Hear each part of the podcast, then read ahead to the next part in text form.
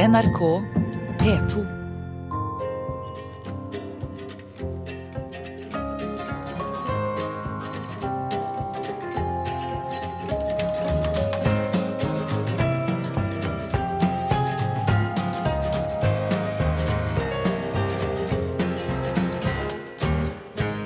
Hei, kjære lytter. Velkommen til Sommer i P2. Mitt navn er Hove Fjell, og jeg er fakir. Når jeg er på jobb, så sluker jeg ild, ligger på spikerseng, balanserer på macheter, henger i kroker som er stukket gjennom huden, og jeg setter fyr på håret. Det er dette jeg lever av og for. Så langt tilbake som jeg kan huske, har jeg vært fascinert av ild og alle former for skarpe og spisse gjenstander.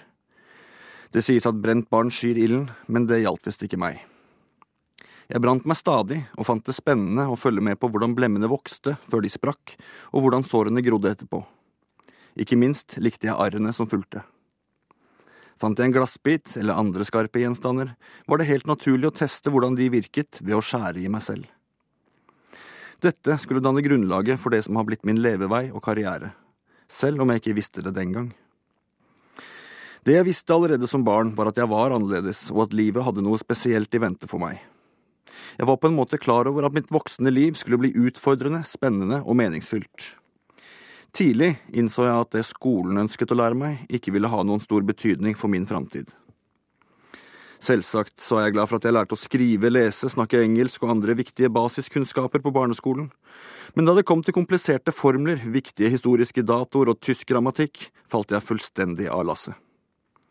Mitt eget indre liv og mine dagdrømmer var langt viktigere enn å tilfredsstille skolens behov for at jeg skulle bestå i de ulike fagene. Jeg fulgte kun med på det som fanget min oppmerksomhet og vekket interesse. Alt annet brød jeg meg lite om. Det hjalp heller ikke med alle de sanksjoner og straff som skolen utsatte meg for. Tvert imot bidro det til at jeg ga enda mer blaffen og forsaket både oppmøte og lekser. Jeg hatet hele skoleopplegget. Det var selvsagt ikke veldig populært hjemme at jeg var en umulig elev som stadig havnet i bråk med lærerne. Og som liten gutt hadde jeg problemer med å gjøre meg forstått av de voksne, selv om jeg argumenterte som best jeg kunne. Alltid så var det jeg som måtte forstå dem, men hvorfor var det ingen som ville forstå meg? Jeg tror nok at foreldrene mine prøvde så godt de kunne, men det var nok ikke lett å ha med meg å gjøre, standhaftig som jeg var. Der hørte vi Pink Floyd, Another Brick in the Wall, part two. Min instinktive motstand mot frihetsberøvelse og autoritet som barn utviklet seg til en tidlig dragning mot punken. Først så var det en beundring av estetikken, sans for musikken, og ikke minst det at punkerne var tøffe, som tiltrakk meg. Senere ble jeg grepet av engasjementet, både det politiske og det praktiske. Vi skapte vår egen hverdag på egne premisser. Jeg vokste opp på Kolbotn utenfor Oslo og gikk på Steinerskolen på den andre siden av byen, på Hovseter. På vei hjem så jeg punkerne som hang rundt Nationaltheatret, og jeg likte det jeg så. Da vi flytta til Lysaker da jeg var tolv, mista jeg etter hvert kontakten med barndomsvennene og søkte mot byen. Jeg var dels i Frognerparken og hang med skaterne, dels i Spikersuppa og hang med punkerne. Og via begge disse miljøene var veien kort til Blitz.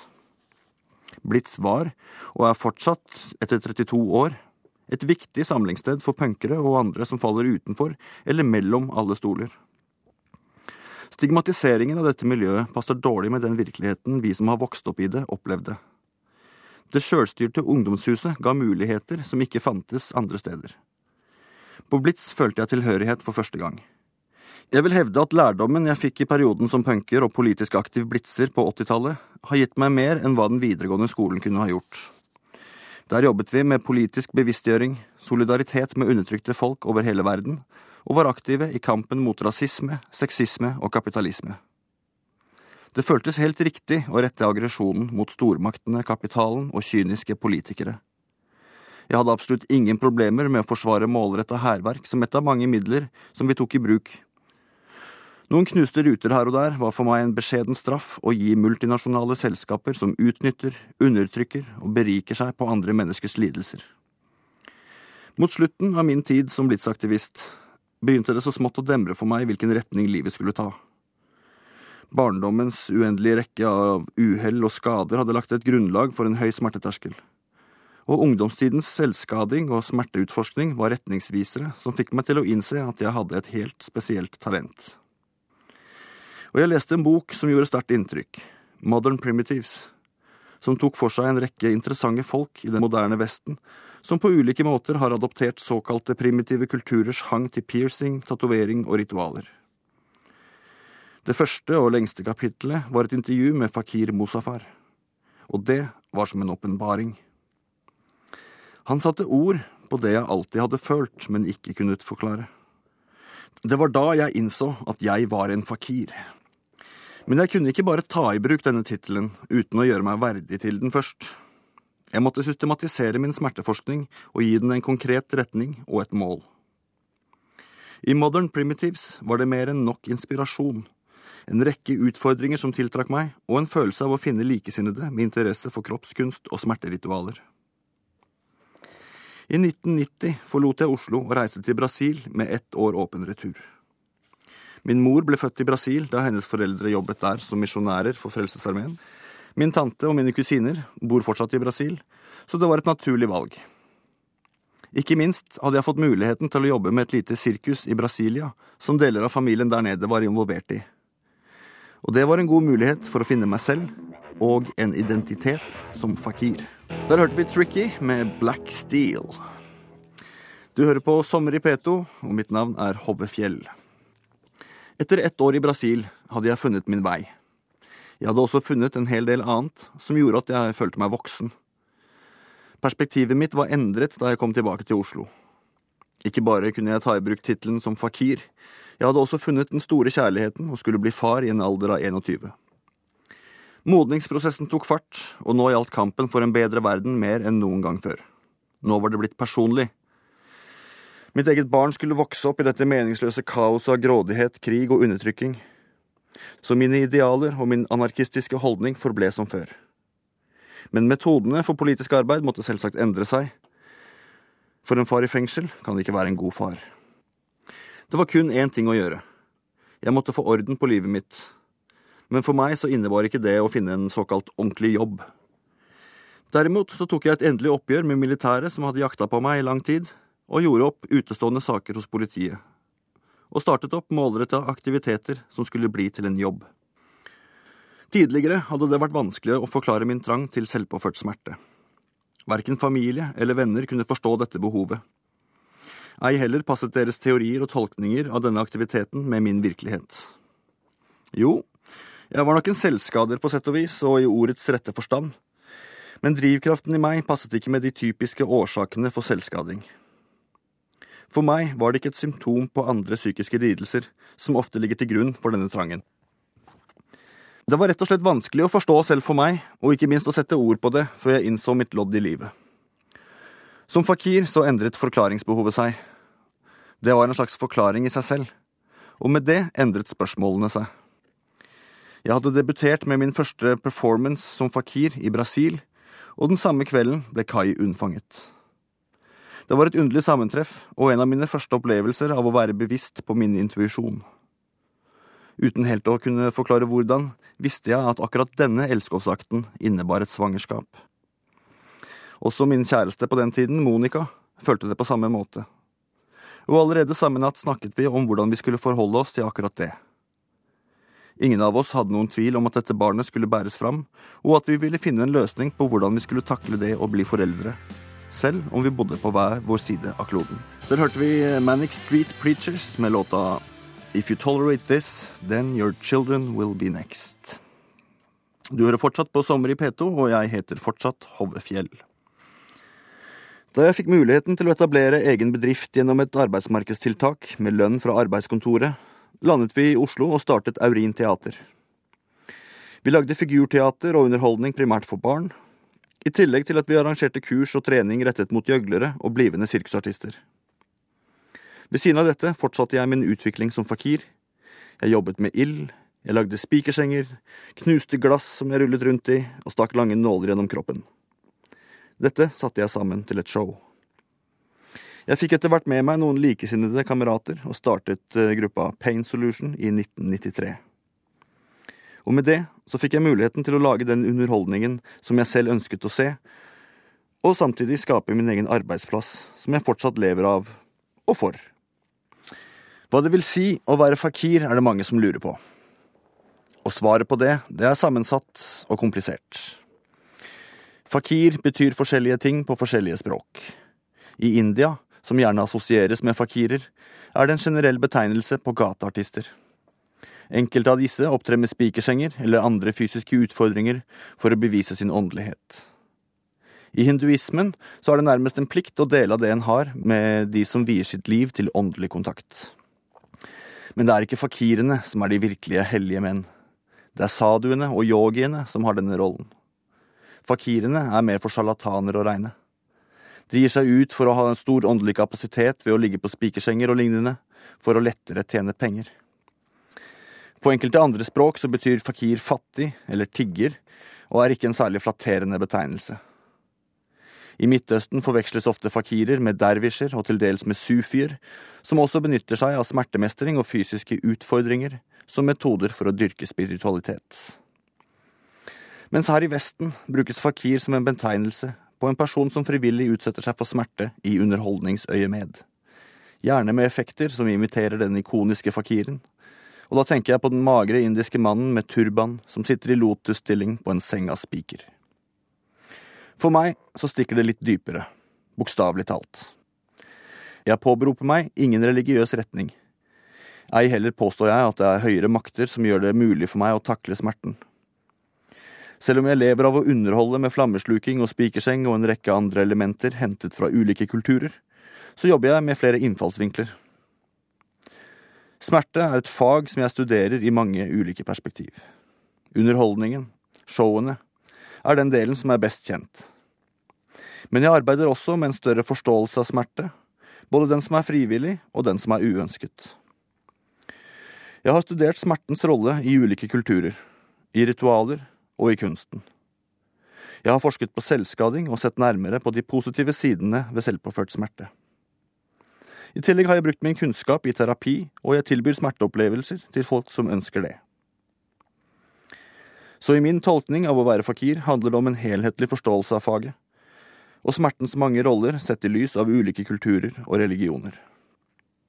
Som scenekunstner har jeg en rekke andre utfordringer å forholde meg til. Smertetoleransen er langt fra det vanskeligste her. Jeg har akseptert at det hører med til arbeidet. Det har vært mye å lære for å lage gode forestillinger som publikum setter pris på. De første årene nådde ikke Pain Solution ut til veldig mange utenfor vår mest spesifikke målgruppe, de som hadde en spesiell interesse av å se oss rulle i knust glass og stikke nåler i kroppen. Flammeshowene derimot funka stort sett for alle, men uttrykket i de andre forestillingene var for smalt. Utfordringen var å få showene til å treffe et bredere lag. Hvis jeg skulle klare å leve av å være fakir, måtte deler av underholdningen folkeliggjøres for å nå et større publikum. Der hørte vi deilige låta Firestarter med Progedy. Du hører fortsatt på Sommer i P2, og jeg heter Hove Fjell. Smerte blir i store deler av den vestlige verden tolket utelukkende negativt. Kanskje med unntak av sportslige prestasjoner og barnefødsler. I disse tilfellene så er det akseptert å utholde smerte for å oppnå resultater. Selv om mange velger å døyve smertene ved fødsel, som jo er forståelig nok. Utover dette er det sjelden at smerte tillegges noen positive egenskaper. Men ser vi på andre kulturer, finner vi mange og varierte ritualer hvor smerten spiller en viktig rolle. For utenforstående kan det virke barbarisk å utsette sine unge og håpefulle for prøvelser som innebærer fysisk smerte. Som for eksempel når indianerne i Amazonas utsetter barn for maurbitt ved å stikke hendene deres inn i flettede kurver, hvor maurene er fanget i flettingen. De mange bittene og giften som disse maurene sprøyter inn i barnehendene, medfører store smerter og feber som varer i over et døgn. Hensikten er langt ifra å torturere barna, men å gjøre dem immune mot giftige slanger og edderkopper, som de sannsynligvis vil møte senere i livet. De lærer også at smerte er noe som hører livet til, og at selv om den er plagsom så lenge den vedvarer, vil den gå over. Barna blir på den måten styrket til å møte livets utfordringer. Også i andre ritualer hvor smerte står sentralt, finnes det en fellesnevner, som er målet og meningen med det hele. For det handler ikke bare om å styrke individet. Det handler like mye om å styrke samfunnet. Den eller de som står overfor et overgangsrituale, står ikke alene. Rundt seg har de ikke bare sjamanen og dennes hjelpere som tilrettelegger og veileder seremonien. Resten av stammen, lokalsamfunnet og noen ganger også storsamfunnet spiller en rolle i dette. Jeg vil tro at disse unge menneskene får med seg budskapet på en helt annen måte, og at de går voksenlivet i møte med bedre forutsetninger enn bortskjemt norsk ungdom. Men nå er ikke jeg den som er mest opptatt av penger og materiell velstand. Rikdom og makt betyr lite i min verden. Begge mine sønner ble hengt opp med kroker i ryggen etter fylte 16 år. Det var sånn de ble konfirmert. La meg tilføye at det var de selv som ønsket den opplevelsen, og at det var stort for meg å kunne gi dem dette i gave. I lang tid så hadde jeg en veldig alvorlig tilnærming til mine opptredener som fakir. Jeg ville at folk skulle se alvoret og forstå betydningen av å blø for kunsten, og ikke minst den positive effekten av selvpåført smerte. På et tidspunkt var det en kollega i bransjen som foreslo at jeg skulle bringe inn mer humor og verbal underholdning i Pain Solution, for å løsne på snippen. Til å begynne med så forkastet jeg forslaget.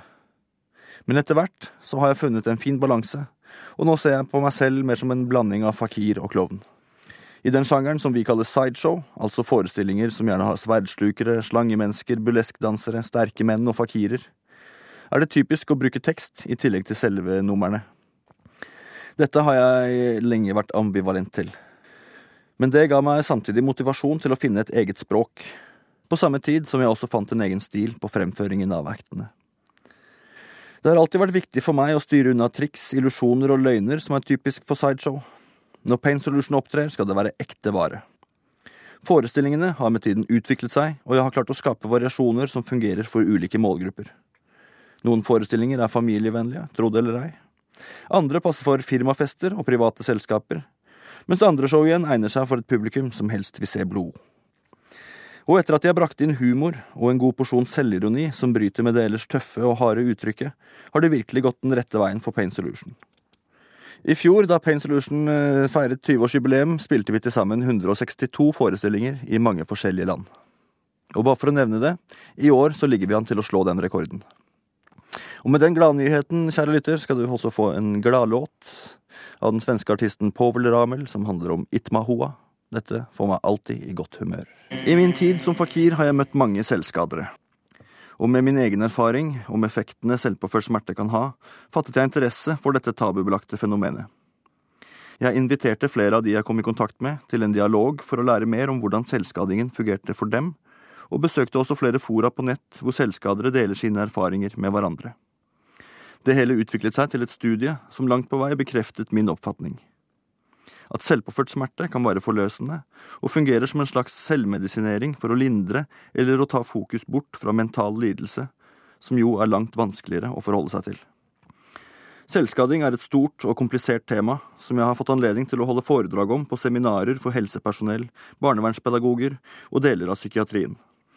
En idé som lenge hadde ligget latent, var å utvikle et konsept som kunne fungere som terapi, med en helt annen innfallsvinkel enn tradisjonell medikamentbasert behandling.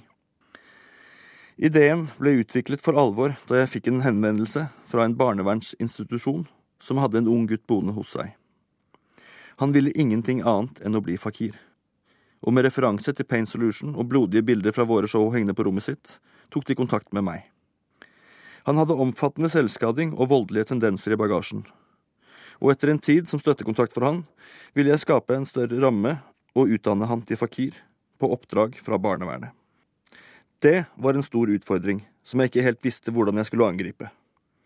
Jeg ville også ha med flere elever på denne fakirskolen, og hadde allerede to andre kandidater i kikkerten som hadde en passende bakgrunn. Begge hadde høy toleranse for smerte, og de var flinke lærlinger på suspension-teamet, altså de som hjelper meg å henge opp andre folk i kroker.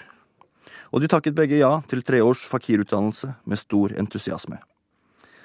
Fakirskolen er antagelig det mest ambisiøse og utfordrende prosjektet jeg noen gang har gjennomført. Og lite visste jeg om hva det skulle innebære å påta meg dette ansvaret. Veien ble til mens vi gikk, og mer enn noen gang før måtte jeg stole på intuisjonen. Jeg hadde gitt dem et tilbud som ikke noensinne før har eksistert, verken her i Norge eller noe annet sted i verden. Vi sto på terskelen til å skape noe helt unikt. Det var både spennende og skremmende på samme tid da vi startet prosjektet, med et rituale hvor jeg skar en stor P og en S inn i huden på de tre elevene, og de fikk skjære hvert sitt kutt i armen på meg. Deretter skrev vi under på en kontrakt med vårt eget blod. Vi forpliktet oss på denne måten til å møte utfordringen og til arbeidet vi hadde foran oss. De like mye som meg. Dette var ingen spøk. Vi var alle innforstått med at det ville bli smertefullt og vanskelig. Ikke minst fordi den største oppgaven var å jobbe målretta med personlige problemstillinger og diagnoser, ved siden av å lære opp en ny generasjon fakirer.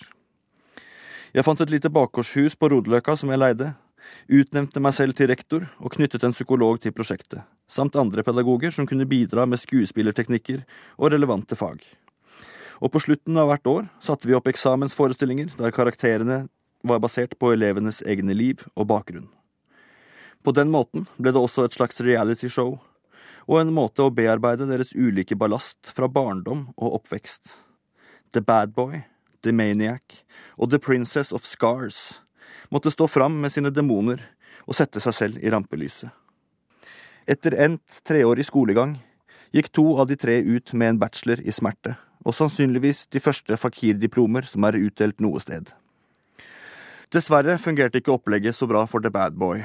Hans tilstand var altfor komplisert. Selv om han det første året viste store tegn til bedring, skulle det vise seg at hans ballast og diagnoser var større og flere enn vi kunne takle, og etter andre året måtte våre veier skilles. Rus, vold og kriminalitet lot seg ikke forene med en framtid som fakir.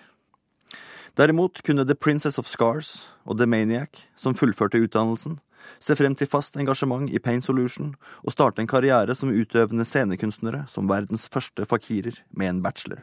Du hører på Sommer i P2, og mitt navn er Hove Fjell.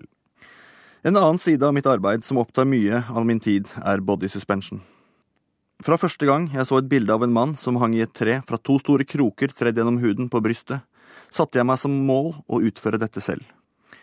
Opplevelsen av å henge etter sin egen hud måtte være fantastisk, om enn smertefullt.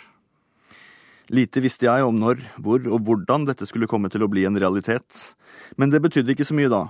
Jeg var sikker på at det lå i horisonten, og at det ville bli en ny åpenbaring. Det skulle ta mange år og lang og vanskelig forskning til før jeg kunne nå dette målet. Men da tiden var inne, hang jeg for første gang med fire store fiskekroker i ryggen, og det var en helt utrolig opplevelse, en absolutt høydare for min personlige utvikling. Men det merkelige var at hver gang jeg hang i kroker foran publikum, så var det én eller flere av tilskuerne som kom med forespørsler om ikke det var mulig for dem å prøve dette selv. Nesten aldri har det vært noen som ville prøve spikersenga, flammeslukinga eller noen av de andre actene Pain Solution presenterer. Men akkurat det å henge i kroker, det var det en umiddelbar etterspørsel etter. Og ikke bare fra folk med tatoveringer og piercinger, men også fra folk som ikke hadde noen forutgående smerteopplevelser. Jeg hadde selv brutt over ti år fra min første eksponering til jeg endelig kunne oppfylle drømmen om å fly. Og det var en av de aller største opplevelsene i mitt liv. Dette måtte jeg dele med andre, slik som det hadde blitt delt med meg. Ingen skulle trenge å vente like lenge som jeg hadde venta. Allerede året etter jeg hang for første gang, arrangerte jeg en body suspension workshop, på Kunstnernes hus av alle steder, for å tilrettelegge for opplæring av piercere som ønsket å utvide sin kunnskap, samt å gi de som ønsket å prøve seg, muligheten til dette. Av en eller annen grunn treffer akkurat denne aktiviteten en nerve hos mange. Og hvert år siden 2002 har vi arrangert Oslo Søskon, som er kort for Suspension Convention, med deltakere fra over 20 land. Og det er et særdeles givende arbeid. Ikke bare får jeg brukt dette litt spesielle mediet til å skape kunstneriske kreasjoner med andres kropper, som jeg plasserer i løse luften ved hjelp av kroker og rep. Jeg får også ta del i å gi dem opplevelser som ikke kan oppnås på andre måter. Og det er noe helt ubeskrivelig ved det. En følelse som er større enn smerten, og som kun kan oppnås gjennom nettopp den. Ikke det at det oppleves like smertefullt for alle. Det er en stor variasjon av posisjoner og antall kroker vi kan bruke, og dermed graden av fysisk utfordring. Men felles for de aller fleste som prøver body suspension, er en sterk følelse av eufori. Det er som å være vektløs samtidig som en er svært bevisst på tyngdekraften. Det er som å fly. Jeg vet med absolutt sikkerhet at det ikke finnes noe annet i denne verden jeg heller ville gjort enn akkurat det jeg gjør. Det blir for meg en måte å leve ut min anarkistiske natur. At jeg gjør det jeg vil i størst mulig grad, og gjør det på egne premisser. Jeg har skapt en helt egen arbeidsplass, og som følge av det også arbeidsplasser for flere andre. Jeg sysselsetter og engasjerer. Jeg vekker følelser hos folk både som artist og som samfunnsengasjert aktivist. Jeg lever utenfor de etablerte normer i den utstrekning det lar seg gjøre, og jeg gir aldri opp å yte motstand mot det bestående, om enn ikke på samme måte som da jeg var tenåring. Jeg er fortsatt en punker i fremtoning og ikke minst i holdning, og jeg har fortsatt tilknytning til Blitzhuset. Nå i form av å leie lokaler til forestillinger, oppbevaringer av utstyr, undervisning, øving og andre aktiviteter. Jeg forakter fortsatt alle former for autoriteter som bygger på undertrykking og represjon. Mens naturlig autoritet hos folk som har kunnskap og visdom, har jeg derimot stor respekt for. Jeg tror fortsatt det er mulig å forandre verden, og jeg gjør det jeg kan for å bidra til det ved å stå opp mot urett og maktmisbruk.